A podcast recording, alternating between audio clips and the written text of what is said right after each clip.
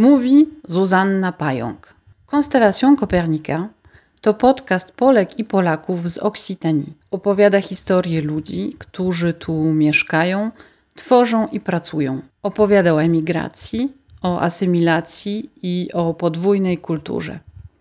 Konstelacją Kopernika to żywa biblioteka przeszłości i teraźniejszości naszej wspólnoty. Konstelacją Kopernika opowiada o tym, skąd tu przybyliśmy i co tu robimy.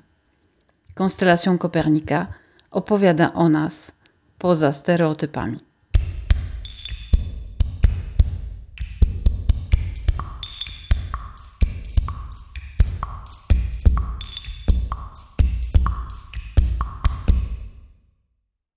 W dzisiejszym odcinku Konstelacją Kopernika moim gościem jest Sebastian Cybulski.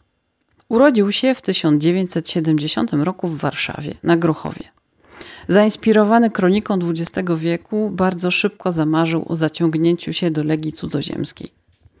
Po kilku perypetiach został legionistą i służył w tej formacji między 1996 i 2003 rokiem. Swoje doświadczenie legionisty przeniósł na stronę autobiografii pod tytułem Spowiedź legionisty, wydanej nakładem wydawnictwa Grupa Medium 2013 roku. Jego druga książka to powieść Dwa światy, dwie twarze, gdzie autor przenosi się w lata 90. ubiegłego wieku i wprowadza czytelnika w czas, kiedy powstają pierwsze warszawskie gangi. Czas, w którym krzepną i tocząc nieustanne walki pomiędzy sobą, zajmują coraz większą część miasta. W tym świecie snuje się opowieść o przyjaźni dwóch głównych bohaterów książki. Sebastian ma w planach dalsze prace literackie oraz cotygodniowe audycje dostępne na platformie YouTube. Prowadzi również firmę remontową i ma w planach otwarcie salonu tatuażu. Dzień dobry. Dzień dobry. Panie Sebastianie, co pan tutaj robi? Co ja robię w Tuluzie? Żyję, pracuję, utrzymuję rodzinę, utrzymuję się razem z rodziną i staram się jakoś patrzeć do przodu. Jaką drogą odby, przybył Pan właśnie z Polski tutaj i jak się potoczyły te zawiłe losy? Więc moje zawiłe losy potoczyły się e, w sposób autobusowo-eurolinowy, e, gdzie w 1996 roku wsiadłem w autobus, kupiłem do autobusu, kupiłem bilet e, w jedną stronę, przyjechałem, patrząc na mapę, przyjechałem do Tuluzy, bo chciałem się od razu zgłosić do Legii cudzoziemskiej, y, więc patrząc na mapę widziałem, że szkoła Legii, pułk szkoleniowy Legii Cudzoziemskiej znajduje się w Kastel Nudary, czyli jakieś 70 km stąd. Więc myślałem, że będzie mi łatwiej, jak się dostanę tutaj. Okazało się, że ludzie, którzy mnie przyjęli e, w koszarach, musieli ze mną później jechać do Obań pod Marsylię, żeby tam mnie zgłosić do Legii. Także droga była dosyć wydłużona. A skąd ten pomysł, żeby, żeby zaciągnąć się do Legii Cudzoziemskiej? Wbrew pozorom, wbrew mojej przeszłości, która nie była zbyt kolorowa, y, ja o Legii marzyłem już od dłuższego czasu. Nawet będąc na azylu politycznym w 1989 roku, chciałem się zgłosić do Legii. No niestety na granicy franco-niemieckiej, francusko-niemieckiej nas zatrzymano. No nie mieliśmy papierów na przekroczenie i musieliśmy wrócić do punktu azylu, azylanckiego, tak? do biura azylan, azylanckiego. No i wtedy wróciłem do kraju, bo nie pojechałem do Niemiec po to, żeby pracować. Chciałem po prostu przebić się właśnie do, do Legii Cudzoziemskiej. A skąd to parcie do Legii Cudzoziemskiej? Co jest takiego w Legii Cudzoziemskiej, w tym micie właściwie tej, e, tej formacji, że w Polsce, która jest po prostu jeszcze komunistycznej, wtedy takie marzenia się mogły pojawić? Były tak zwane sensacje XX wieku z panem Wołoszańskim. Wspaniały człowiek, bez względu na to, co o nim się teraz mówi. E, wspaniały historyk, publicysta, który który też w swoich programach e, wprowadzał tematy żołnierzy Legii Cudzoziemskiej, którzy, byli, którzy służyli w formacjach francuskich, bo chciałbym zaznaczyć, że Legia, tak jak i wszędzie zaznaczam, to nie są najemnicy, tylko to jest jednostka regularna armii francuskiej. No co, chodziła legenda. Tak? E, na ulicy Mazowieckiej w Warszawie kiedyś znalazłem takie czasopismo kolorowe po francusku, czytać jeszcze nie potrafiłem. Imponowały mi zdjęcia, berety, e, kepi blanc, czyli białe czapki legionowe tradycyjne. No i usłyszałem, że pod Pałacem Kultury i Nauki kiedyś e, znajdował się tam taki bazar w latach 90. Pojechałem e, znaleźć takiego chłopaka, takiego młodego, młodego faceta, który sprzedawał właśnie takie atrybuty, takie pamiątki po Legii. No i on wtedy wywarł na mnie takie wrażenie, znaczy niechciane. Myślałem, że mu ukręcę główkę, bo zapytałem go kulturalnie, jak się do tej logii można dostać. On powiedział, że tam się dostać nie można, tylko najlepiej się dostają. Powiedziałem, powiedziałem sobie, że ja mu pokażę, że się tam dostanę. No i któregoś dnia po prostu wsiadłem w autobus i pojechałem. I co dalej? Czy Legia stała się, że tak powiem, realizacją tych marzeń, o których Pan myślał, czy była to po prostu forma, forma jakiegoś e, właśnie, czy mitu się podtrzymał, czy mit upadł? Powiem tak, mit mitem. Prawda czasami jest gorsza od mitu, tak? Jest bardziej brutalna. Brutalnością, którą, którą, którą zostałem tam, e, e, zostałem tam w koszarach, było, była dyscyplina, była forma prasowania różnych e, mundurów, gdzie na przykład w pierwszym pułku kawalerii jeszcze w latach 90. prasowano mundury, czyli prasowano ich plisy garkami z gorącą wodą. Pressing był zakazany. Jeżeli któryś z nas używał koszuli przygotowanej w pressingu, została porwana bardzo szybko. Tak? Kaprale patrzyli, czy nie ma śladów po, po właśnie po etykietkach, po, po szpilkach. Tak? Później co? Nie, nie, nie znalazłem czegoś takiego, co by mnie zniechęciło do Legii, co by okazało się nieprawdą, bądź załamało tej mitologii. Było dużo sprzątania, no ale tak jak w każdym wojsku, tak? Było dużo sprzątania, było dużo Y, dużo dyscypliny. Języka francuskiego tak się nie uczyliśmy, jak mówią teraz na YouTubie czy w telewizji, gdziekolwiek podczas reportaży. Nie mieliśmy czasu na to. Ja pamiętam, musiałem sprzątnąć 4 czy nawet 5 toalet i to jeszcze nie było to, bo źle zrozumiałem. Y, także języka uczyliśmy się po to, żeby opanować y, pewne formułki działania, bo uczyliśmy się wszystkiego na pamięć. I muszę Pani powiedzieć, że co było naprawdę paradoksem, że żeśmy kursy, które przechodziliśmy z Francuzami, e, którzy z nami służyli, zdawaliśmy od nich lepiej. I to nam też pomagało włóczyć się tego języka francuskiego, dlatego że myśmy go po prostu wkuwali w nocy, kiedy nie mieliśmy już siły, kiedy trzeba było spać, mieliśmy tylko moment, żeby wkuwać. To przypominało mi szkołę. I to powodowało, że, że naprawdę dobrze zdawaliśmy te egzaminy. Czym się różni e, Legia Cudzoziemska od innych formacji wojskowych? Bo wojsko w sumie e, to jest zasadniczo dosyć nudna robota. Z wyjątkiem momentów, kiedy się człowiek znajduje w tak zwanej akcji, czyli w terenie, czyli na polu bitwy, tudzież w jakiejś misji. Ale to też, tak na dobrą sprawę, wojsko polega na tym, żeby się ciągle nieustannie żyć w napięciu i być w stanie gotowości do czegoś tam, do wykonania rozkazu, do wykonania misji, do wykonania zadania, które zostanie nam powierzone.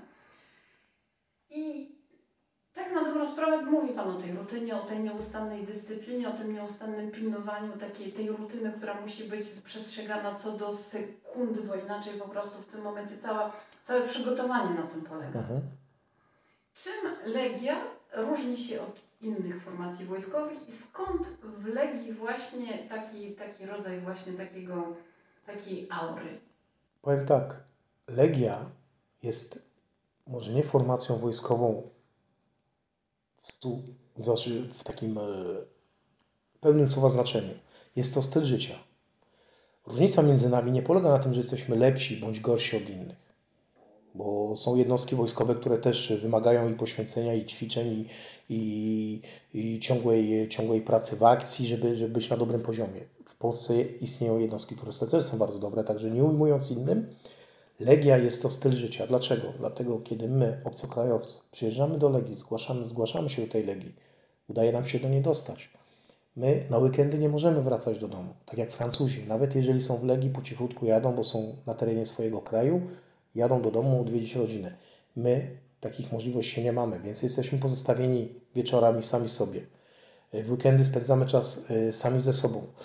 Y, wtedy też następuje taki paradoks, że zaczynamy zaczyna nam brakować ludzi, których praktycznie nawet nienawidzimy, bo to jest normalne. Człowiek jest człowiekiem, tak?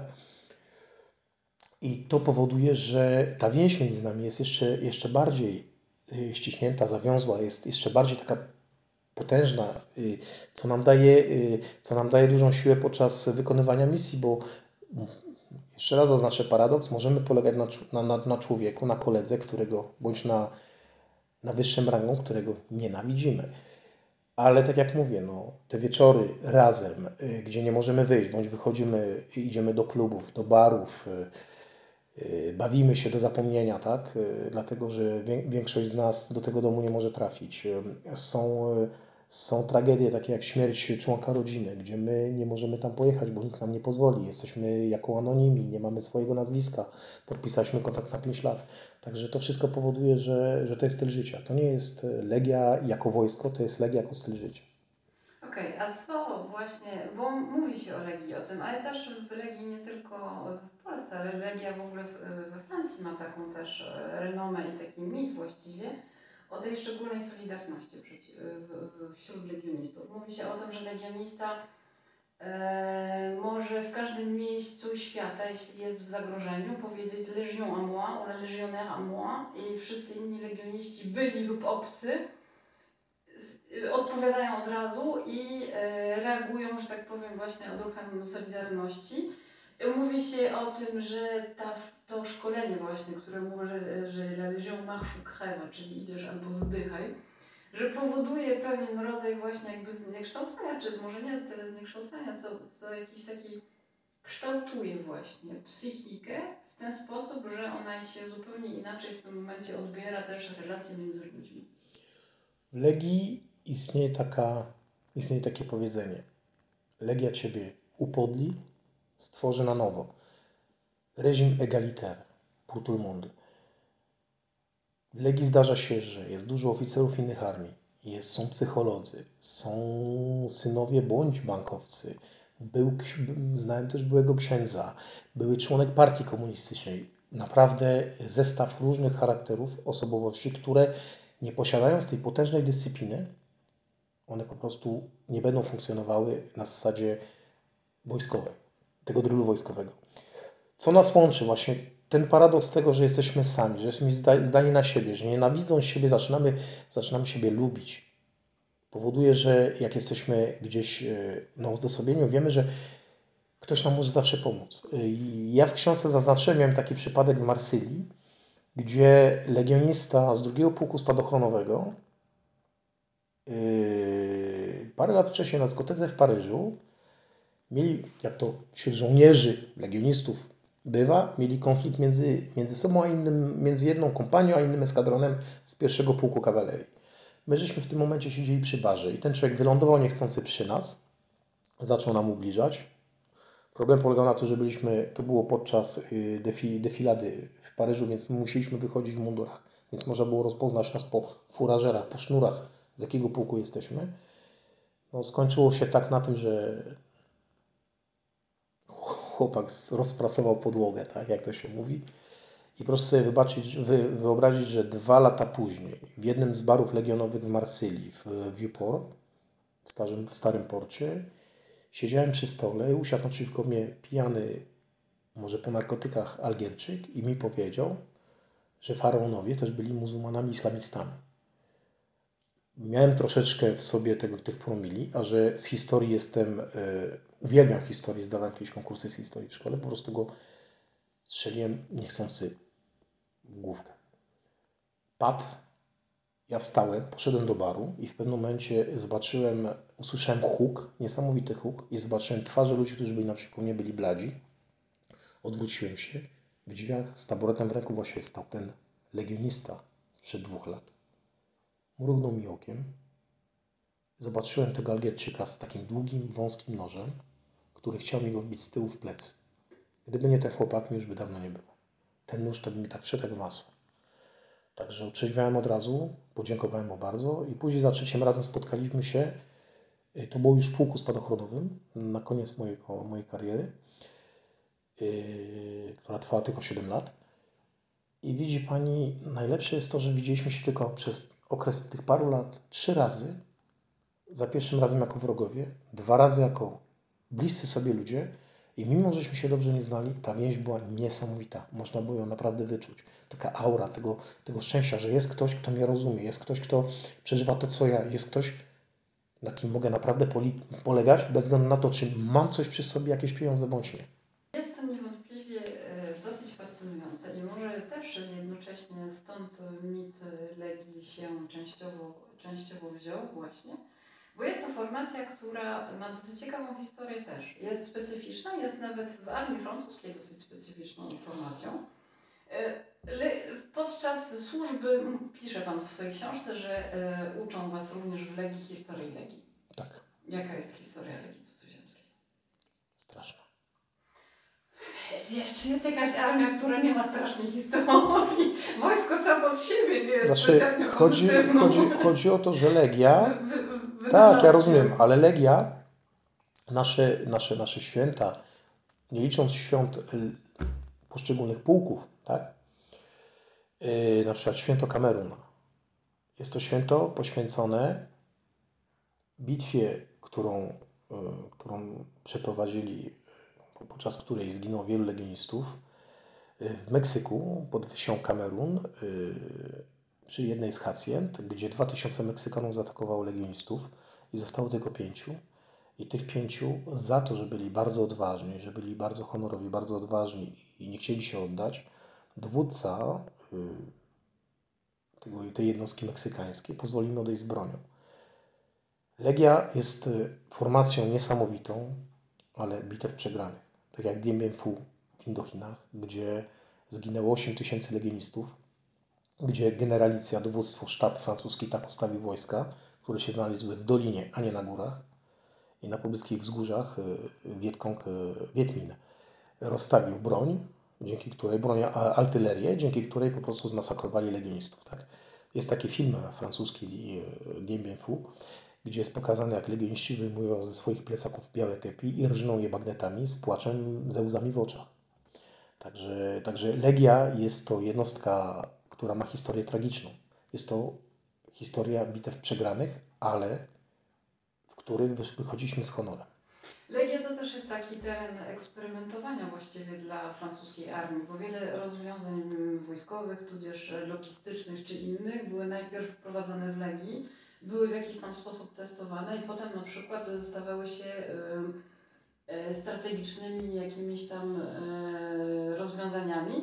Mówimy też, mówi się na przykład o tym również, że sama armia zawodowa, sam pomysł wprowadzenia armii zawodowej i sposób, w jaki ona jest zorganizowana we Francji, został najpierw wprowadzony w Legii, zanim, zanim w latach tam 2000, tak pisze sama Legia Cudzoziemska o sobie, w każdym razie o tym, że była jedną z pierwszych formacji, która zaczęła eksperymentować właśnie tak, ale... wojsko, służbę zawodową. Tak, Legia Francuska jest jako jedna z pierwszych jednostek formacji zawodowych profesjonalnego w armii francuskiej, ale y, weźmy pod uwagę też, że istnieje, istnieje też jednostka, która jest y, Fuzje Mara, mhm. Fumako, komando Fumako. Są niesamowici. Są naprawdę, y, tylko że tak jak mówię, to są komandosi, to oni działają na zasadzie zupełnie innej. Legia jest to formacja jest, liniowa. No właśnie, tak. poza tym Legia jest też wojskiem naborowym. Do Fuzimachan, żeby się dostać, trzeba już być wcześniej e, żołnierzem i mieć tam coś już na... To jest właśnie ten paradoks, który ostatnio, który ostatnio poruszyłem z jednym z kolegów, że odskakując na chwilkę od tematu głównego, że na przykład w Polsce teraz wyczytałem na Facebooku, że co roku robią dobory, y, y, pobory, szukają chętnych do gromu i do formozy z cywili, którzy przechodzą jakieś marsze. I porównałem sobie to z właśnie tym, tą selekcją do jednostek specjalnych francuskich, bądź brytyjskich, bądź amerykańskich, gdzie Żołnierz najpierw ma podstawową służbę, gdzie obserwując go, wiemy, czy się nada do życia samemu, czy nie. I w, tej, w tych jednostkach polskich, nie krytykując nikogo, widzę jakiś straszny paradoks, gdzie cywila, po którym nie wiemy, jak ma się zachować, bierzemy do jednostek specjalnych. No więc właśnie, bo we Francji w ogóle jednostki specjalne jakiekolwiek, czy to są jednostki specjalne żandarmerii, tak. y, czy nawet CRS-em, nie można zostać CRS-em, nie będąc, nie będąc wcześniej liniowym żandarmem. Y, Oczywiście, ja... ja, ja się specjalne szkolenia tak. do tego, żeby najpierw wejść, że tak powiem, w ten rytm właśnie służby, tudzież instytucji. No, po, podając jeszcze jeden przykład, tak abstrahując troszeczkę od tej legii, zaraz wró wrócimy, ale to też jest bardzo ważne. Widziałem właśnie w telewizji taki program, gdzie Y, żandarm stopnia adjutanta szefa y, miał pod sobą 40 ludzi, z których mieli właśnie wybrać y, do GIGN, do tej grupy komandosów żandarmerii. I wziął chłopaka z rękawicami na taki jakby sparring. No, chłopak nie umiał się bić, ale tu chodziło o to, jak wytrzymujemy poniżenie, uderzenie. Kandydat się zamknął na 3 dni w pokoju, płakał i się zabrał do domu. I teraz powiedzmy, że ten człowiek ma chęć dostać się do jednostki specjalnej. Pokonuje jakikolwiek marsz, jakieś ciężkie 2-3 dni, w których i tak poniżany nie jest w taki sposób jak tu poniżenie, to jest w cudzysłowie, tak? I ten człowiek zostaje wybrany jako jeden z kandydatów do jednostki specjalnej i się do niej dostaje. I w sytuacji krytycznej znaczy ja sobie wyobrażam, że potem też przychodzą jakieś specjalne szkolenia, że jednostki specjalne... Mam nadzieję. Nie wiem, nie znam, ale mam nadzieję. na stres, bo ja sobie też marnie wyobrażam różne żejrzeny i tak dalej, które chociażby mieliśmy okazję obserwować ich funkcjonowanie w Toulouse za, czas, za czasów niechlubnego zamachów Mohameda Mery. Mhm. E, więc ja sobie nie wyobrażam, żeby oni nie umieli, nie, nie szkolili się do takich sytuacji jeszcze osobno. Oprócz tego, że mają jakąś tam podstawową już wiedzę czy umiejętności, muszą być jeszcze dodatkowo wtedy tak, do tak, przygotowani do Aczkolwiek to przygotowanie, przygotowanie uważam, że wygląda trochę inaczej w Legii, bo w Legii przygotowanie doprowadzenie do, do sytuacji krytycznych, które, które, które miały miejsce podczas naszych szkoleń i, w, i podczas instrukcji, i później podczas e, szkolenia elementarnego już e, na terenie pułku. Chodzi o to, żeby właśnie tą naszą buńczuczność, charaktery różnych ludzi z różnych stron świata, różnych profesji, zmielić w jedną i wyprodukować nowego człowieka, który po prostu ponad nienawiść, ponad niechęć, ponad złośliwość, zazdrość wyniesie to, aby temu człowiekowi pomóc, aby razem z nim pracować, żeby osiągnąć misję. Dlatego u nas najważniejsza jest, e, rodziną jest Legia, nie nasza rodzina. Także święta Bożego Narodzenia, e, e, Nowy Rok spędzamy z pułkiem, a nie z rodziną. Okej, okay. Legia Cudzoziemska też była tym pułkiem, który miał niechlubno swój udział we wszystkich misjach kolonizacji, bo ona powstała w ogóle w Algierii na początku XIX e, wieku i potem właściwie była zawsze... Ale kto nie brał? Niemcy, oczywiście, Włosi. Ale mówimy o Francji w tej Dobrze. chwili. Mówi, nie, mówimy oczywiście, że takie, to nie jest kwestia tego, że my jesteśmy lepsi od innych i że wszystko jest wina Legii. W żaden sposób. Legię założył Filip Augusto i wiedział co robi, ostatecznie był cesarzem Francji. I to nie jest kwestia rozliczania czynni historii, to jest kwestia tego, że Legia miała właśnie tą specyfikę. Ona się dlatego między innymi nazywa cudzoziemska, bo może też wróćmy do dlaczego Legia cudzoziemska nazywa się Legia cudzoziemska. Dlatego, że y, w konstytucji y, francuskiej widnieje napis, że do Legii cudzoziemskiej to została właśnie stworzona y, do tych właśnie celi działań na terenach kolonialnych, gdzie notabene też działały jednostki kolonialne francuskie. Tak. Yy, I w tej konstytucji było zapisane, że Francuzi nie mogą jako tacy służyć w niej, oprócz oficerów, a reszta ma być tylko obcokrajowcami. I dlatego nawet legioniści francuscy, znaczy Francuzi, którzy się zgłaszają, wstępują do Legii, otrzymują najpierw obywatelstwo kanadyjskie, belgijskie bądź szwajcarskie i później podczas y, takiej, takiej y, operacji papierkowej, która się nazywa rektyfikacja, czyli powrót do swojego nazwiska, wracają do swojej tak zwanej prawdziwej natury, czyli są, powracają do tego, że są Francuzami. Jeżeli służyli wcześniej w innych wojskach, z powrotem mogą nosić i medale, i różne takie właśnie yy, oprócz stopnia. Stopnia, jakie mieli kiedyś, tego nie mogą, nie mogą sobie przywrócić, ale różne takie dystankcje, medale, dyplomy, które mieli odznaczenia, mogą ze sobą mieć. Mogą, mogą się w nich yy, pokazywać. No właśnie, bo to też jest ciekawe w Legii Cudzoziemskiej y, i to też jest, jest specyfika, że w momencie, kiedy się zostaje legionistą, człowiek y, dostaje całkowicie nową tożsamość mhm. i to jest może też częścią właśnie tego jakby jakiegoś, jakiegoś rytuału właśnie odnawiania człowieka. Można to tak symbolicznie też. Z jednej strony jest to rzecz formalna, bo rzeczywiście zabiera się Panu dokumenty tożsamości, nadaje mhm. się nową tożsamość, i ją się można odzyskać wtedy dopiero jak się z Legii wychodzi. To też jest część nie. właściwie takiej, nie? Jak nie. to wygląda właśnie? Właśnie ta rektyfikacja polega na tym, że kiedyś częściej aż do wyjścia z Legii trzymano się tak zwanego suzanonima, czyli byliśmy mhm. anonimami, tak? Dlatego, że wiadomo, no, nie będę tutaj ukrywał, yy, nie będę krytykował też, ani oczerniał Legii, ale w latach 50., 60., 70. w Legii służyli bandyci.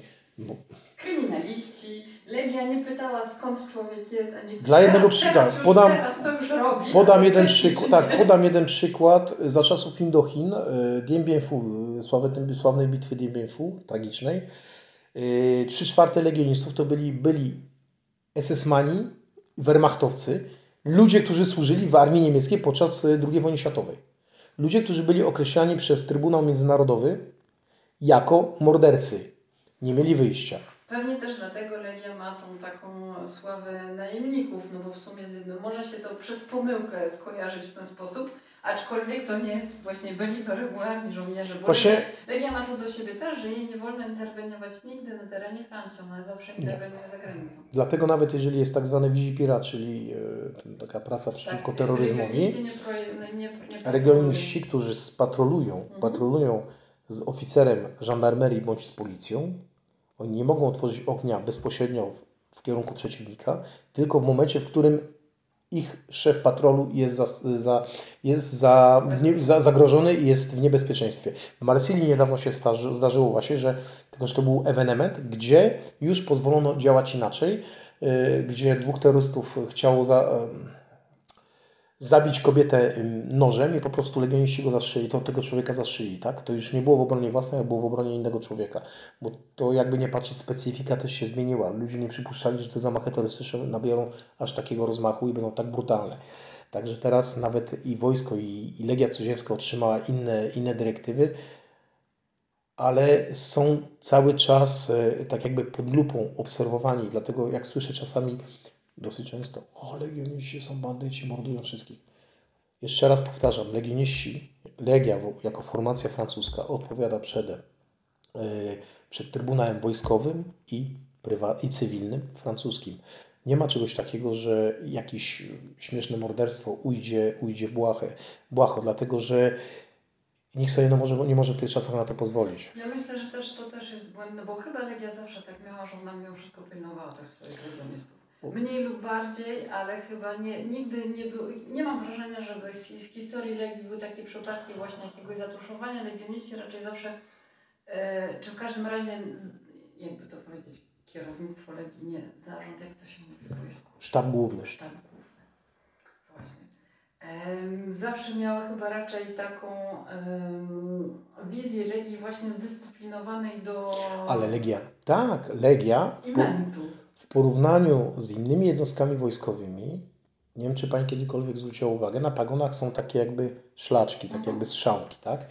Legia posiada trzy na pagonach, to znaczy najwyższy poziom dyscypliny w jednostce. Żandarmeria pos- posiada dwie. Później są jednostki, które posiadają jedną. W każdym razie my posiadamy najwyższy stopień dyscypliny.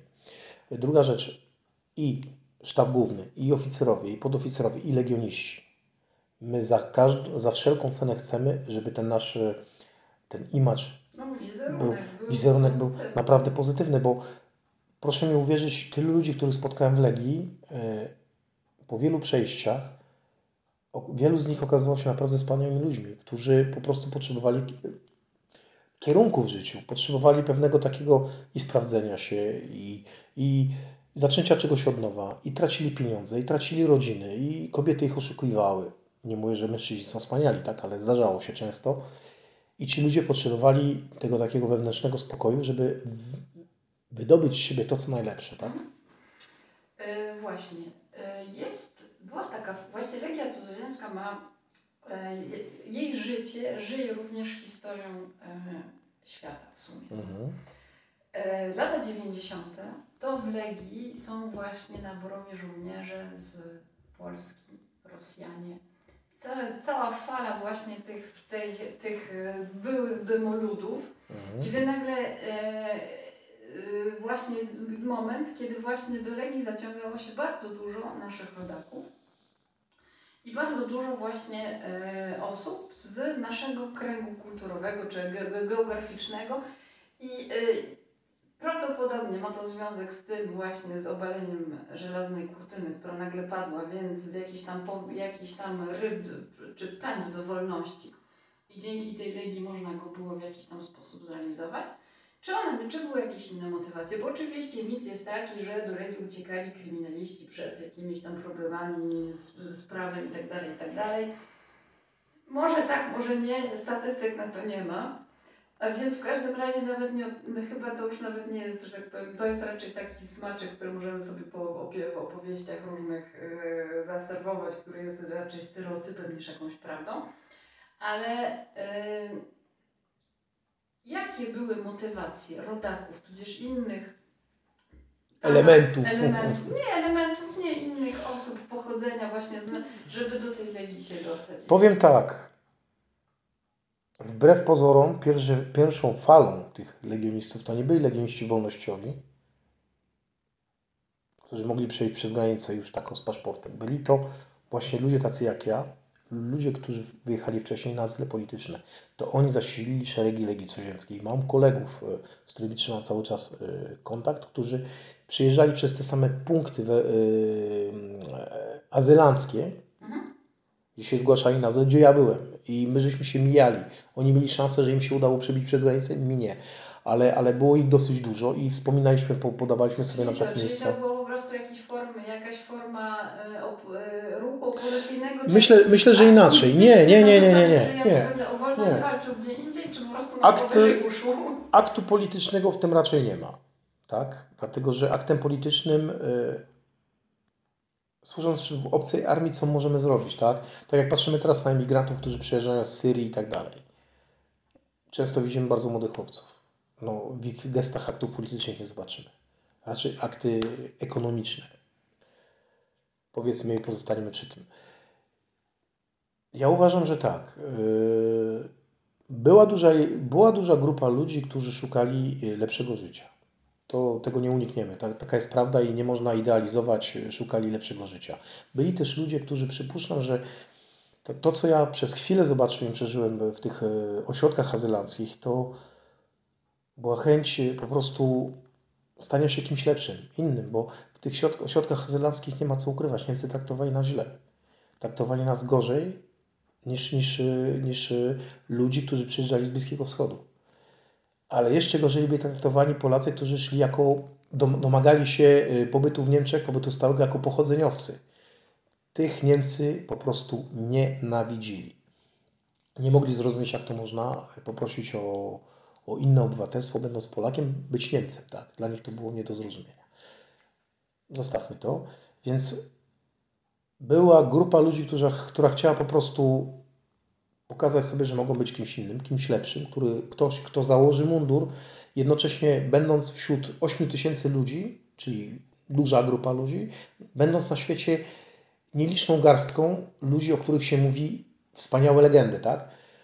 Była też grupa ludzi, która, która szukała po prostu lepszego życia finansowego, bo nie ma co ukrywać. Ludzie nawet teraz, krytykując Legię, że się niby dużo nie zarabia, ale patrząc na to, że jeżeli legionista jest sam, śpi w koszarach, ma ubrania z wojska, bo cały czas chodzi w tych mundurach, e, w uniformach i tak dalej. Ma specjalne karne, karne d'habillement, czyli to jest specjalny zeszyt, w którym co pół roku dostajemy punkty, za które możemy wykupować nowe mundury. Ma jedzenie za darmo i dostaje te 1300, czy tam 1400, czy 1200 euro. Które może sobie leżeć na książeczce oszczędnościowej, ewentualnie można przepić, ale też nie ma czasu. Ale tych pieniędzy ma. I ludzie często mówią, ale jak to jest mało? Proszę pójść do, do, do Lidla, proszę pójść do Aldi, proszę pójść do, do Lidl Price'a. Sprzedawczynie zarabiają na kasach po 1100 euro. Poniżanie jakie mają. Yy, złodziejstwo, to wszystko. Także tak, fakty. No, Legia, legionista ryzykuje życiem, tak, ale za swoją misję dostaje też yy, 2,5 raza więcej pieniędzy. Tak. Yy, za skoki spadochronu dostają premię. Za pobyt w Gujanie za dwa lata dostajemy też premię. Także E, także no, ja uważam, że fakt, może na początku człowiek liczy, że dostanie więcej, ale też przede wszystkim dostaje pewne wychowanie, pewną naukę, którą później w formacjach obrony, ochrony osobistej też może wykorzystać. Także, także legionista y, jest osobą, postacią cenioną za charakter, za dyscyplinę i za to, że wykonuje swoje misje, swoje zadania po prostu w, sto, w 100% tak. A jak legionista skończy służbę, to co z tym robi? Tu już jest trochę gorzej. Znaczy teraz, teraz to się zmieniło. Teraz to się zmieniło. Teraz y, jest więcej organizacji, które starają się pomóc. Teraz w Wałbaj na przykład y, y, już jest komórka, która zajmuje się legionistami, którzy wychodzą po kontraktach, starają się znaleźć pracę. Bo to też nie jest wina Legii, dlatego że sama Francja dozna zmiany. wojsko francuskie, armia dostała zmiany. Przede wszystkim takim punktem zapalnym, zwrotnym, to była pułapka w Afganistanie w 2000 bodajże 7 roku, już nie pamiętam, gdzie 13 spadochroniarzy legionistów, jeden legionista, jeden żołnierz armii regularnej, już nie była regularna, innych jednostek i 11 spadochroniarzy zostali zmasakrowani podczas zasadzki yy, yy, przygotowanej przez talibanów, przez talibów. Zostali wymordowani brutalnie. Pokazywano ich zegarki w telewizji. No to było dosyć, dosyć brutalne. To dosyć, dosyć ostra yy, opinia powstała w radiu, w telewizji. Ludzie zaczęli się burzyć. I od tego momentu wszystko zaczęło się zmieniać. Taktyka działania podczas, podczas, podczas zasadzek, bo no, teren nie był taki, jak był na przykład w Iraku. W Iraku teren był pustynny, był płaski. No wiadomo, na, na Afganistanie wszyscy zjedli zęby, no i więc nie będziemy przerabiać historii. Nie, tylko chodzi o to, co, co, co w, w armii francuskiej spowodowało, mhm. to, to, to, to spowodowało, że y, ten, ten system podejścia do żołnierzy, mhm. ćwiczenia ich, sprzętu, który zostali wyposażeni, bardzo się zmienił. Razem z tym zmieniło się też podejście w sztabie, y, bardziej cywilizowane, bardziej takie ludzkie, bardziej takie, może nie to, że bardziej ludzkie, ale bardziej takie pragmatyczne, bardziej takie realne, realistyczne, bo to, co było kiedyś, to była taka fantazja, tak? Armia francuska uważała się za wspaniałą armię, aczkolwiek konfliktów, które miały wojska rosyjskie, amerykańskie bądź brytyjskie, nie miała, czyli Czego byśmy nie wymyślili, nie będzie sprawdzone podczas konfliktu, nie wiemy, czy to naprawdę działa. Przykładem mogły być kamizelki kuloodporne, których my używaliśmy w Kosowie i przez które po prostu nie mogliśmy wejść do włazów, do wozów bojowych, więc my żeśmy je z dużym ryzykiem zostawali na, na, na trapach po to, na włazach po to, żeby po prostu można było się w pewnej chwili wsunąć. My, mimo, że liczyliśmy się z tym, że kula może wpaść z tyłu w plecy, dotknąć nas, tak zabić, ale po prostu było fizycznie niemożliwe schowanie się z tym. To, było, to była masakra. Kompletne takie coś, takie, takie, takie, taka zbroja, jakby to można powiedzieć w cudzysłowie, ważyła 30 kilo. Ale proszę sobie teraz wyobrazić tak. Także później podczas właśnie tych nowych konfliktów armia francuska zaczęła reagować zupełnie inaczej. Zaczęli asymilować y, materiał, który, który był używany przez Amerykanów, przez Brytyjczyków, nawet przez Rosjan. No i muszę teraz powiedzieć, że z zazdrością patrzę na tych chłopców, bo mają wspaniałe mundury, mają wspaniałe oprzyrządowanie i no cóż, no. Legia, każda epoka ma swoją legię, tak? Jest też, że przez ostatnie 20 lat idea armii i sposób, w jaki wojsko funkcjonuje, po prostu podległ radykalnej zmianie. W tej chwili tak. po prostu już nie ma czegoś, zjawiska tak zwanego mięsa armatniego, już nie ilość się liczy, a jakość. Tak. Więc y, sposób postrzegania wojska, jaki mamy może z jakichś filmów historycznych, czy z powieści, czy chociażby z podręczników mhm. historii, armia wygląda w tej chwili już zupełnie inaczej. I Pan był w tym wojsku w momencie właśnie jakiegoś przejścia z jednego etapu na drugi. No my byliśmy tak zwanym pokoleniem straconym, dlatego że y, raptownie, y, straconym może nie, no, Przejściowym. Powiedziałbym, że dwa razy byłem pokoleniem straconym. Pierwszym w 1989 roku, kiedy upadł komunizm i sam się obudziłem w innym świecie i drugi raz to było właśnie w Legii. Powiem inaczej. Jedyne co, jeżeli mogę sobie pozwolić na taką delikatną krytykę z mojej strony człowieka, który kiedyś służył w jednostkach e, francuskich w Legii Cudzoziemskiej, to jest system, system oficerów, e, inaczej, system dowodzenia. To polega na tym, że czy to jest szef sekcji, czy to jest szef kompanii, czy szef, czy pułku, czy generał, służą tylko dwa lata. I to odbija bardzo duże piętno na nas, dlatego że możemy trafić na dobrego szefa sekcji, który przygotuje nas, e, ukierunkuje nas tak abyśmy robili w przyszłości to, do czego jesteśmy stworzeni. Przyjdzie, no, y, przez rok czasu to robi i następny rok już zostaje po to, żeby stworzyć swoją karierę na nowo, żeby przygotować się do następnego skoku, czyli szefa sekcji na szefa kompanii, z dowódcy kompanii na dowódcę, na, na oficera w wyższym stopniu, po to, żeby później być dowódcą pułku, tak? bo to ich jest marzenie. I później po tym roku opieki nad nami zaczyna się taka takie szlifowanie swoich, swoich galonów. Jak przygotowuje się już do odskoku, już czujemy, że, że, że już się nami za bardzo nie interesuje, że ten człowiek już po prostu chce iść y, wyżej, już wiadomo o co, o co chodzi. Czyli po, po roku czasu czujemy się już niepotrzebni. I czujemy się jak takie pionki, którymi teraz y, szasta. A, ty będziesz trębaczem, ty będziesz kucharzem, ty będziesz to, ty będziesz to. To mimo, że wcześniej on był przygotowany do strzelania rakietami przeciwczołgowymi, ten był strzelcem wyborowym, ten był to. Ja byłem przygotowany do, z moimi kolegami byliśmy w plutonie przeciwczołgowym yy, z pociskami Milan. Mieliśmy przygotowanie, przechodziliśmy kursy, wszystko. Czas się zmienił, dowódca odszedł, nasza jednostka się zmieniła. Zostaliśmy yy, zwiadem pułku, yy, dywizji, dywizji właśnie zmechanizowanej szybkiego reagowania, która obejmuje teren teren Oranżu, Avignonu, Nimu i Montpellier, tego całego tam, gdzie, gdzie są pułki pierwszego pułku inżynieryjnego, pierwszego pułku kawalerii i, i drugiego pułku piechoty. Z dnia na dzień staliśmy się kierowcami wozów bojowych. Kaprale. Mój kolega, który, który miał bardzo duże predyspozycje, z którym się bardzo, bardzo, bardzo przyjaźnimy do tej pory, mimo że jest e, poza terenem Europy, poza granicami Europy, jemu na koniec dowódca sekcji powiedział, że będzie trębaczem. Chłopak za to poszedł do więzienia. Powiedział, że on trębaczem nie chce być. No jak mu zatrąbił odwrotnie, także później poszedł na 7 dni do więzienia. Także, a mieliśmy.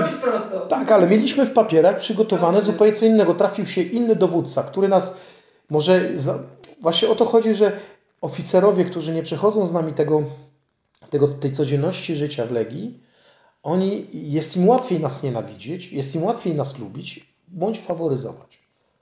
Bo nie ma tego mostu z nami, nie ma tego, tego, tego połączenia, nie ma tych, tych przeżyć razem. Oni są to, tak jakby oddzieleni od tego, oni są za murem i im, im jest łatwiej wydobyć z siebie te właśnie negatywne bądź pozytywne uczucia, ale w taki sposób, że bądź, bądź będąc świadomymi, bądź no, oni nas ranią, oni nas niszczą i oni nas zniechęcają.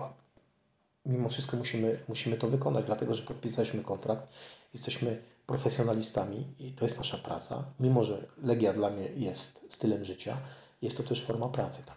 Czyli zarządzanie zasobami ludzkimi ma swoje wady niestety w każdej, w każdej dziedzinie rzeczywistości, nie tylko w zwykłych firmach, ale w tak, Polsce też jest. Tak, tylko że w porównaniu, tak, tylko że w porównaniu na przykład z jednostkami wojskowymi innych krajów, nie wiem jak to jest w Wielkiej Brytanii, tak? Na przykład w Polsce dowódcą pułku jest się parę lat, dowódcą sekcji jest się parę lat, nie tylko dwa lata. I ma się czas na to, żeby poznać swoich żołnierzy, swoje oczywiście, życie z oczywiście. i po prostu stworzyć jakąś, e, oczywiście. jakąś wizję tego, co się chce robić. Wróćmy do pytania, co robi legionista, jak już przestaje być legionistą? Cierpi. Dlaczego? Dlaczego legionista cierpi, jak wychodzi z Legii? Czy bez Legii się już nie da? Czy jest to tak silne sformatowanie, że potem jak się wychodzi do normalnego świata, to człowiek głupieje? Czy co się dzieje? Czy traci się po prostu w jakiś sposób tą myśl przewodnią i nagle człowiek musi być samodzielny, a tego nie umie robić? W zależności od charakteru i szansy. Są ludzie, którym bardzo się dobrze układa, którzy potrafią wykorzystać pojawiającą się szansę, którzy w Legii też mieli na tyle elastyczny kręgosłup, że potrafili przepłynąć przez to wszystko, nie krytykując ich, nie mówiąc, że byli źli. Nie mówiąc, że wykorzystywali, żeby. Nie, ale zdolność adaptacji jest bardzo. Tak Problem polega na tym, że większość z nas, większość z nas w życiu cywilnym zaadaptować się nie może. Nie potrafimy. Dlatego, że wychodząc z Legii, myślimy, że jesteśmy dla ludzi w cudzysłowie półbogami. Okazuje się, że Francuzi mają nas po prostu głęboko gdzieś przykro mi mówić, ale na przykład naród polski jest bardziej, bardziej taki pozytywnie nastawiony do wojska, patriotyczny, gdzie uważam, że jakby Legia Cudzoziemska funkcjonowała, służyła, bylibyśmy noszeni na rękach. Mówię w cudzysłowie. Tu we Francji ten anarchizm, bo to już nawet nie demokracja, ten anarchizm ludzi w cywilu, ja mówię z punktu widzenia żołnierza, tak? Ten brak honoru, ten brak brak takiej, takiej dumy narodowej, gdzie za każdym razem próbują sobie wbić noż w plecy, mówiąc, bo przez nas jest to, przez nas jest tamto. To doprowadziło do tego, że tutaj wojsko naprawdę jest takie prawie niepotrzebne. Jedna z, jedna, jedna z ministrów, y, z, pani, pan minister francuski, któregoś roku chciała po prostu, zaproponowała, żeby defiladę 14 lipca po prostu zlikwidować. Po co wojsko ma defilować? To za drogo kosztuje.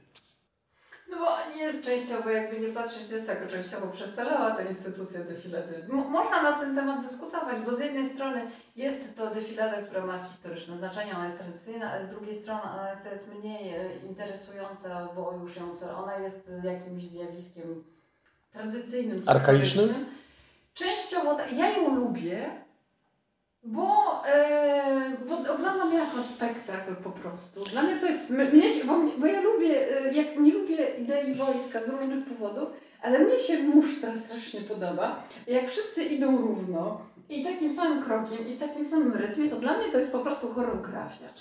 I ta choreografia jest, jest ciekawa i ja, ja to oglądam jako spektakl. Z drugiej strony jest to, jakby nie patrzeć, jakby się temu przyjrzeć z bliska, no to jest jakaś forma demonstracji, e, demonstracji siły militarnej. Jakby, się, jakby zrobić analogię z innymi defiladami, no defilada jest po to, żeby pokazać, co my tu nie mamy i kogo my tu nie możemy ustrzelić. Ale to jest taki cel.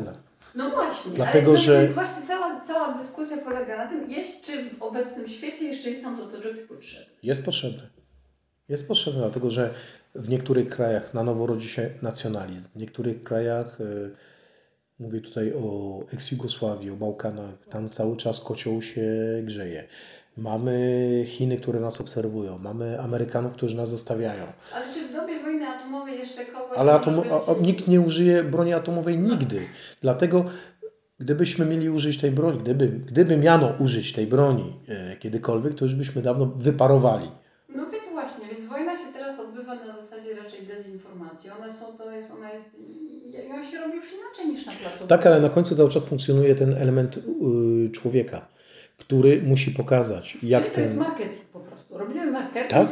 tworzymy wizerunek, który nie musi mieć niczego wspólnego z rzeczywistością, ale jest po to, żeby to ja dam teraz jakąś, przykład. Tam, jakąś tam formę, jak, wizualizuje tak. coś tam. Rosjanie z, tak, Rosja z Białorusią zrobiła, y, przygotowała i wykonała y, manewry Zapad, tak? 2021. 200 tysięcy żołnierzy, bardzo dużo broni, wszelkiego typu, nawet najnowocześniejszych. Co się stało? Jak zareagowali Polacy, jak zareagowali Litwini, to wszystko. Co się stało? Przestraszyli się tego wszystkiego. To ma na celu, defilada ma na celu pokazanie, co potrafimy, przede wszystkim, bo te defilady Rosjanie też mają. W swoje święto, notabene tysiąc, święto w roku, w którym żeśmy, data, który nas wyrzucono z Moskwy, w 1612. Dzięki nam mają to święto narodowe. Ale o co chodzi? Chodzi o to, że to jest też forma właśnie bezkrwawa forma pokazania tego, co posiadamy. Niech szpiedzy, niech znawcy, niech specjaliści zobaczą, określą, ocenią i niech się zastanawią, co mają zrobić. No ale oni już to wiedzą. Bo ja nie, nie wierzę w to, żeby szpiedzy odkrywali zasoby francuskiej armii na defiladzie 14 lipca. Chyba już wiedzą wcześniej, co mi tam wystawią. Co? Tak, ale... Tym bardziej, że to jest Wie Pani, wracając, wracając, znaczy poruszając temat szpiegów, to Pani zobaczy, co się stało w Afganistanie. Amerykańscy agenci i szpiedzy wszystko wiedzieli i zostali bardzo zaskoczeni. No, to prawda, ale z drugiej strony talibowie nie robią defilady. Nie potrzebują, oni się wysadzają w powietrze. oni, mają defilady, oni mają defilady na bazarach. no więc właśnie, więc tutaj chodzi...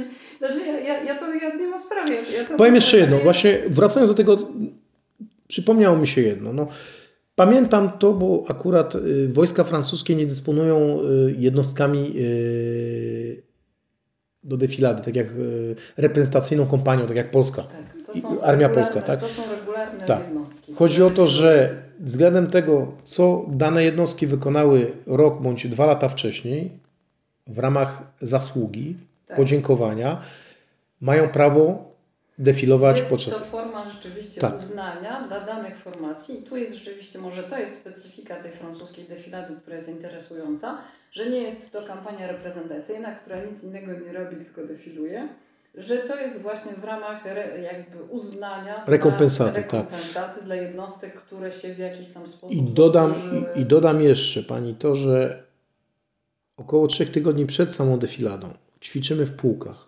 o rodzimych pułkach na terenie jednostek Jest to ciężki trening, dlatego że my przygotowaliśmy się do defilady w 1998 roku. Przygotowywaliśmy się y, przez trzy tygodnie. Na jednym najpierw z rana y, w centrum Oranżu, po czym po południu jeździliśmy na lotnisko. Było dosyć ciężko. Było wszystko podporządkowane tylko pod tą defiladę, tak? bo to i oficerowie muszą się pokazać. I powiem Pani, wszyscy mieli dosyć. Mieliśmy dosyć. Te kepi, głowy, wszystko tak samo. To. Jeszcze mieliśmy majora. Nie, to nie był major, przepraszam, to był komendant Rioma, który stawał na, na, na, na, na jeepie, na jeepie tak zwanym P4 na Peugeotie i do nas mówił dawajcie, dawajcie, pięknie, już jesteśmy blisko. Wyobraźcie sobie, że jestem na miejscu prezydenta republiki. Zaczynamy od nowa. Po francusku to tak brzmiało, że do tej pory mi się to... Ale, ale... On, pre, on a presque arrivé, on a presque arrivé, on a presque... Imaginez-vous que je suis le président à la place de président de la République. On recommence.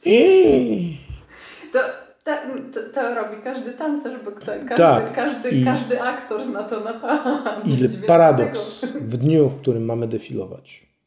Te francuskie flagi, te malutkie chorągiewki ludzi, dreszcze na rękach. Naj, naj, najbardziej znie, nienawidzący tej defilady legionista czuje się tak dumnie. Naprawdę czujemy się tak dumnie, że jak ruszamy, to jest coś niesamowitego. No, to jest magia teatru, to jest właśnie magia przedstawienia teatrów przez duże tempo. Bo legioniści są aktorami, nie ma co... No oczywiście, że tak. Właśnie je- jest taki moment, kiedy jakaś tam, każda symbolika jest ważna, Mhm. każdy rytu, rytuał jest ważny i rytuały mają swoją funkcję społeczną, y, religijną, czy historyczną, czy jakąkolwiek. Ale z drugiej strony o rytuałach też można rozmawiać, bo Tak, ale tu, ale tu jest jeszcze jedna zasadnicza różnica między Legią a wojskiem francuskim. To, że my przed trybuną prezydencką nie rozchodzimy się na dwie części. My idziemy jako jedna rodzina w jedną stronę, tak? I druga rzecz, że defilujemy Na końcu. na końcu. I mamy wolniejsze ruchy, kroki, mniej kroków niż armia francuska, bo mamy swoją muzykę, orkiestrę, music e, principal de la Légion étrangère. I najgorsze jest, że z tyłu jest e, Gwardia Republikańska, która jedzie na koniach i trąbi. I prosto wyobraź, ja byłem w ostatnim szeregu i z kolegą tak żeśmy sobie mówili szeptem, że jak nam się nie udadzą kroki, to będziemy przez najbliższy rok sprzątali wszystkie, jak to się mówi, kible, a że na czwartym eskadronie mieliśmy kible tureckie, do tego jeszcze prysznice i bałem się, że będę tak sprzątał jak nigdy w życiu. Także te pierwsze 3-4 kroki były bardzo ciężkie, ale później jak już poszło, jak widzieliśmy te chorągiewki, to wszystko tych ludzi, jak nas y, oklaskiwali, czuliśmy się naprawdę niesamowicie jak prawdziwi aktorzy. Także od Legii jest też wymagany właśnie ten jak i Legia hiszp- hiszpańska. Legia hiszpańska na przykład, tylko że jest ona bardzo zdoktrynizowana przez katolicyzm. Oni na przykład podczas swoich e, świąt wyjmują wielki krzyż Chrystusa, który niesie ośmiu legionistów bodajże, hiszpańskich. W dodatku są to playboye, mają koszulki rozpięte aż do klatki piersiowej, podwinięte, obcisłe spodnie, podwinięte rękawy, no macho, hiszpańscy macho, tak? I tam ta ceremonia z muzyką, krzyki, to wszystko, jak ja to zobaczyłem, widziałem, my to jeszcze jesteśmy le, lekcy, jak łani, oni to już w ogóle, mówię, nie wiem, czy byśmy sobie tam tak dali radę, tak? Także nie na nasze rytuały, tak e, krawaty, nasze polety tradycyjne, pasy, to wszystko, no to, no to ma związek z tradycją, tak? Z tradycją, no, która wcześniej była użytkowa, bo na przykład pasy niebieskie, te tradycyjne, były kiedyś używane przez, przez, przez legionistów, przez wojska kolonialne po to, żeby ogrzewały plecy y, na pustyni, bo niektórzy sobie myślą, może pustynia, a 50 stopni ciepła. Tak, tylko że wieczorem się robi 15, 12, czasami jeszcze, jeszcze jest chłodniej. No. Hejt pewnie mnie wyłapie i zaraz będą mówili, że nigdy nie byłem w Afryce, bo mi się już to często zdarzało. Ale to nic. W każdym razie w ciągu dnia jest bardzo gorąco i, w zimę, w, w nocy jest bardzo, bardzo chłodno. Także niektóre atrybuty, niektóre elementy umundurowania tradycyjnego Legii pochodzą właśnie z czasów, gdzie po prostu tylko to było do wykorzystania. I dobrze, teraz rozumiem skąd potrzeba e, napisania o tym wszystkim, bo e, nie wspominaliśmy o tym, że jak legionista wychodzi z Legii, to potem pisze książki. Przy, w, Pana przypadku tak się odbyło. Bo prawdą jest, że przypadki legionistów, którzy skończyli źle, też są jakąś formą stereotypu. Bo y, tak jak w każdej formacji, czy właściwie w każdej sytuacji, ci, którzy umieją się dostosować, może łatwiej będzie im potem stamtąd wyjść. Ale wyobrażam sobie szok, jaki to jest. Kiedy Mam jedno pytanie, służbę... jeżeli pani pozwoli. Czy pani dobrze czytała początek książki? Czytałam. Czy pani się nie wstydzi mnie zaprosić do, do rozmowy? Nie. Więc pani powiem tak. Dlaczego miałabym się wstydzić? Napisanie tej książki, bo każdy ma różną przeszłość. Ja po napisaniu tej książki wcześniej nie byłem świadomy tego, że ona mi otworzy drzwi bycia, do tego, aby bycia otwartym, rozmownym względem innych ludzi, tak? Po moich przejściach, które każdy w życiu ma ciężkie przejścia, które doprowadziły do tego, że mogłem robić takie, a nie inne rzeczy po to, żeby przetrwać. Legia stała się dla mnie takim korytarzem odpoczynku i bezpieczeństwa. Mimo, że było tam ciężko, mimo, że czyściłem e, zelówki butów wojskowych od spodu, zamiast wychodzić z kolegami na miasto na początku, dlatego że czułem się bezpiecznie. Nie będziemy wracać do tego, co poruszać tego, co było kiedyś. W każdym bądź razie napisanie przeze mnie książki to nie była forma ani psychoterapii, ani uzewnętrznienia tego wszystkiego. Ja tą książkę napisałem w czasie bardzo trudnym dla mnie, który można porównać y, z zawieszeniem w czasie, gdzie żeby źle o czymkolwiek nie myśleć, żeby być nadal pozytywnym, żeby przetrwać ten moment, y, gdzie nie mogę działać, gdzie nie mogę zrobić nic. Czekam na to, jak bez, bezradnie czekam na to, jak się sytuacja może rozwinąć. Po prostu ta książka pozwoliła mi wrócić do mojej przeszłości, do moich przygód, aby dzięki nim po prostu przetrwać ten moment tej hipnozy tak zwanej, tak? I ja później ten manuskrypt, tą, przygotowaną tą książkę, ja ją schowałem do torby. Ta książka leżała przez trzy lata w torbie. Ja jej nawet nie ruszę. Przez przypadek. Przez przypadek, czysty przypadek ktoś mnie namówił, pokazałem co mam, od słowa do słowa, od osoby do osoby. Zapoznałem się właśnie z redaktorem wydania z wydawnictwa Medium. Spodobało mi się to. No i udało się ją wydać, tak? Ale tak jak mówię, to nie była książka, nie, nie napisałem jej po to, żeby ją wydać. Ja po prostu napisałem ją po to, żeby przetrwać pewien okres.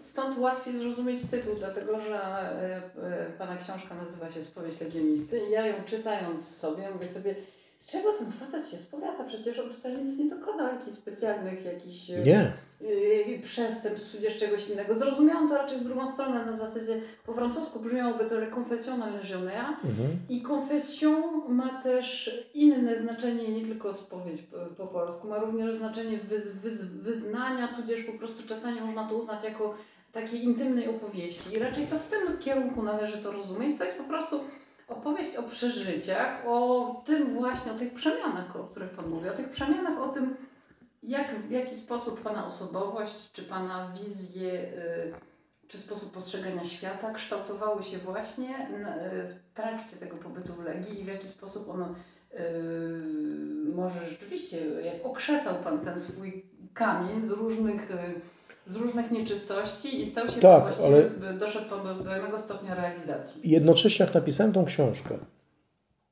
ten projekt leżał sobie w torbie i kiedy poznałem moją przyszłą żonę, to taka naprawdę forma, forma spowiedzi to się dokonała, kiedy z nią rozmawiałem, bo no, nie ukrywajmy, moja żona Monika to jest kobieta, która, która, która bardzo mi pomogła, która postawiła mnie, jak to się mówi, do pionu, która pokazała mi realność życia razem z córeczką, którą mi dała, która jest naprawdę wspaniała, zrozumiałem jedno, że no właśnie ta pierwsza spowiedź, ta prawdziwa spowiedź, y, ona odbyła się między nami, kiedy, kiedy jej opowiedziałem o tym, co się działo ze mną przed Legią. Później poznała historię z Legii, poznała moich kolegów, którzy ze mną służyli w Legii, poznała moją całą historię. Y, no i dla mnie najważniejsze było to, że ona mnie zaakceptowała tym, kim jestem, widząc we mnie nie to, kim byłem kiedyś, a to, co mam w sobie, tak? Nie jestem człowiekiem łatwym. Jestem człowiekiem dosyć skomplikowanym. Walczę sam ze sobą. No teraz już mam więcej pokoju, dlatego że i pokory. Pokory też się nauczę. Nauczyłem się negocjować z ludźmi, schodzić na kompromis.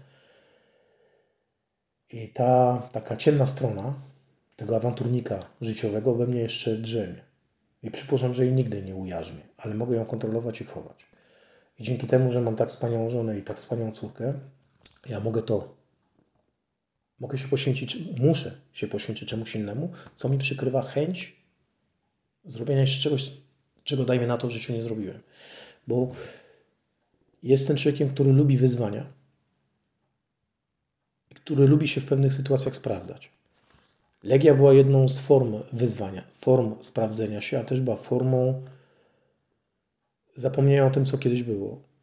I najgorsze jest w tym wszystkim to, cały morał tego wszystkiego, tej całej historii w Legii, że i tak zrobię inaczej niż powinienem. To znaczy? To znaczy, że Sebastian z dzisiejszy, z którym pani się rozmawia, po prostu, tak jak na końcu książki, ten honor, ta duma się po prostu była większa ode mnie, silniejsza. On by to schował w sobie, zgodziłby się na to, co mu kazano. Dosłużyłby do 15 lat, być może dłużej. Otrzymałby paszport francuski i nigdy by nie musiał wracać do przeszłości w Polsce. Ta moja awanturnicza, legionowa dusza się odezwała po 7 latach Legii. Znaczy ona była cały czas w tej Legii. I nawet y, biorąc pod uwagę ryzyko tego, że kiedyś będę musiał w Polsce odpowiedzieć za to, co się działo kiedyś, y, ta taka wiara w tą prawdziwą Legię, w to awanturnictwo, w te przygodo, przy, przygody, to wszystko, co przeżywałem, była tak potężna, że później ten honor, ta duma, tak się ze mnie wylała, że już jak zobaczyłem, że jeden z oficerów złamał słowo generała, stwierdziłem, że dla mnie tam miejsca nie ma. I miałem 500 euro w kieszeni bodajże. Wyszedłem przez mury ze łzami w oczach. Y, sierżantowi odsalutowałem w ubraniu cywilnym, co powiedział, że to jest nienormalne, żebym przestał, bo już jestem cywilem. I tu muszę z przykrością powiedzieć, że przez 3 miesiące, bodajże 2-3 miesiące siedziałem w domu non-stop i piłem whisky za whisky, słuchając muzyki Legii któregoś dnia po prostu zrozumiałem, że trzeba się obudzić. No i zacząłem formować moje życie na nowo. Mając ten ciężar tego, że nie dokończyłem tej legii. Zostawiłem to moją miłość, bo to legia była moją miłością. Ludzie, którzy mnie znają z legii, wiedzą, jakim byłem legionistą. I to cierpienie jest do tej, do tej pory we mnie. Jest, będzie i będę to przeżywał cały czas. Będę żałował z jednej strony, że to zostawiłem, aczkolwiek z drugiej strony Dzięki temu poznałem moją żonę. Tak? Trwało to w latach, także można powiedzieć, że nawet i człowiek ma, ma, ma okresy, które, które nie mogą się liczyć szybciej, bliżej, dłużej, dalej. Po prostu nadszedł okres, w którym poznałem moją żonę, która ciosała mnie, ciosała mnie, pracowała nade mną yy, dzięki Bogu. Dzięki jej oporowi, jej yy, poświęceniu, bo ta kobieta ze mną przeżyła naprawdę wiele. Broń Boże, nigdy jej nie uderzyłem, nie uderzenie podniosę ręki, aczkolwiek czasami byłem ciężkim człowiekiem do dyskusji. Na początku nawet nie potrafię mi zrozumieć. Budził się we mnie ten taki byk legionowy, upartość z Grochowa z Warszawy, to jak się wychowywałem sam przez wiele lat i na całe szczęście to już jest schowane, ale czuję, że to gdzieś tam drzemie, no ale tak jak zaznaczam, dzięki mojej żonie to zostało kiełzane. Także legionistą jestem, byłem i będę. Książkę napisałem nie dlatego, żeby mieć psychoterapię, bo słowa depresja nie znam, aczkolwiek wiem, że istnieje. Po prostu wracając do tematu pisania, jest wielu ludzi, którzy powiedzieli, że mam ku temu talent. Mam łatwość przekazywania myśli na papier, tak jak pani zaznaczyła przed tym wywiadem, w sposób czasami, w sposób czasami nawet zbyt mówiony, a nie pisany, ale to już jest wina niektórych pewnych ludzi, którzy pracowali nad tą książką, nie będziemy ich już teraz krytykować. W każdym razie jestem w przygotowaniu następnej książki. Napisałem drugą, teraz y, przygotowuję trzecią, drugą część tej drugiej książki. No i mam nadzieję pójść dalej w tym kierunku. Czyli odnalazł się Pan po prostu w tej pracy e, kreatywnej właściwie, czyli ta energia, energia te, właśnie ta energia taka kreatywna, bo w sumie ta energia taka intensywna, awanturnicza i tak dalej, ją można przeszlifować, można przekuć na mnóstwo sposobów. I jeśli y, ona jest tym źródłem inspiracji, to to jest naprawdę ciekawe też, w jaki sposób ona Pana w tym momencie też mobilizuje do, do, do pracy twórczej. Może i tutaj Pani znajdzie odpowiedź, dlaczego bardzo mówiono piszę, w sposób mówiony, dlatego że jak najbardziej, jak najszybciej, jak najwięcej chcę przekazać. Napływ pomysłów, które mam w głowie, przekazuję na papier i najgorsze jest to, że później już nawet mi się nie chce tego czytać, piszę dalej, żeby jak najwięcej pisać. U mnie problem następuje nie z tekstem, a z tytułem. Dlatego już w drugiej książce nie nadaję tytułów do rozdziałów, tylko nadaję numerki. To mi pozwala być bardziej elastycznym. Kiedyś miałem możliwość, propozycję y, pisania dla wydawnictwa Muza. Koleżanka mojego kolegi spotkała się ze mną i zaproponowała mi, że, żebym napisał dla niej książkę też o Grochowie i o takich różnych rzeczach, które ją fascynowały. Po czym dwa tygodnie później wysłała mi planik. Co mam zrobić, jak mam zrobić? Być może straciłem szansę życia, ale ja jej powiedziałem, że ja nie potrafię tak pracować. Ja z muszę być wolny. Ale z drugiej strony w Legii robi pan wszystko na minutę, więc Wiem. można by się spodziewać, że jako pisarz będzie pan równie zdyscyplinowany, a tu wcale nie. No niestety, no wyszło inaczej. No trudno, no. Dalej się przebijam, zobaczymy co będzie, tak? Panie Sebastianie, życzę panu wielu czytelników Dziękuję i bardzo. wszystkiego najlepszego. Dziękuję za miły za wywiad. rozmowę. Dziękuję bardzo. Amen.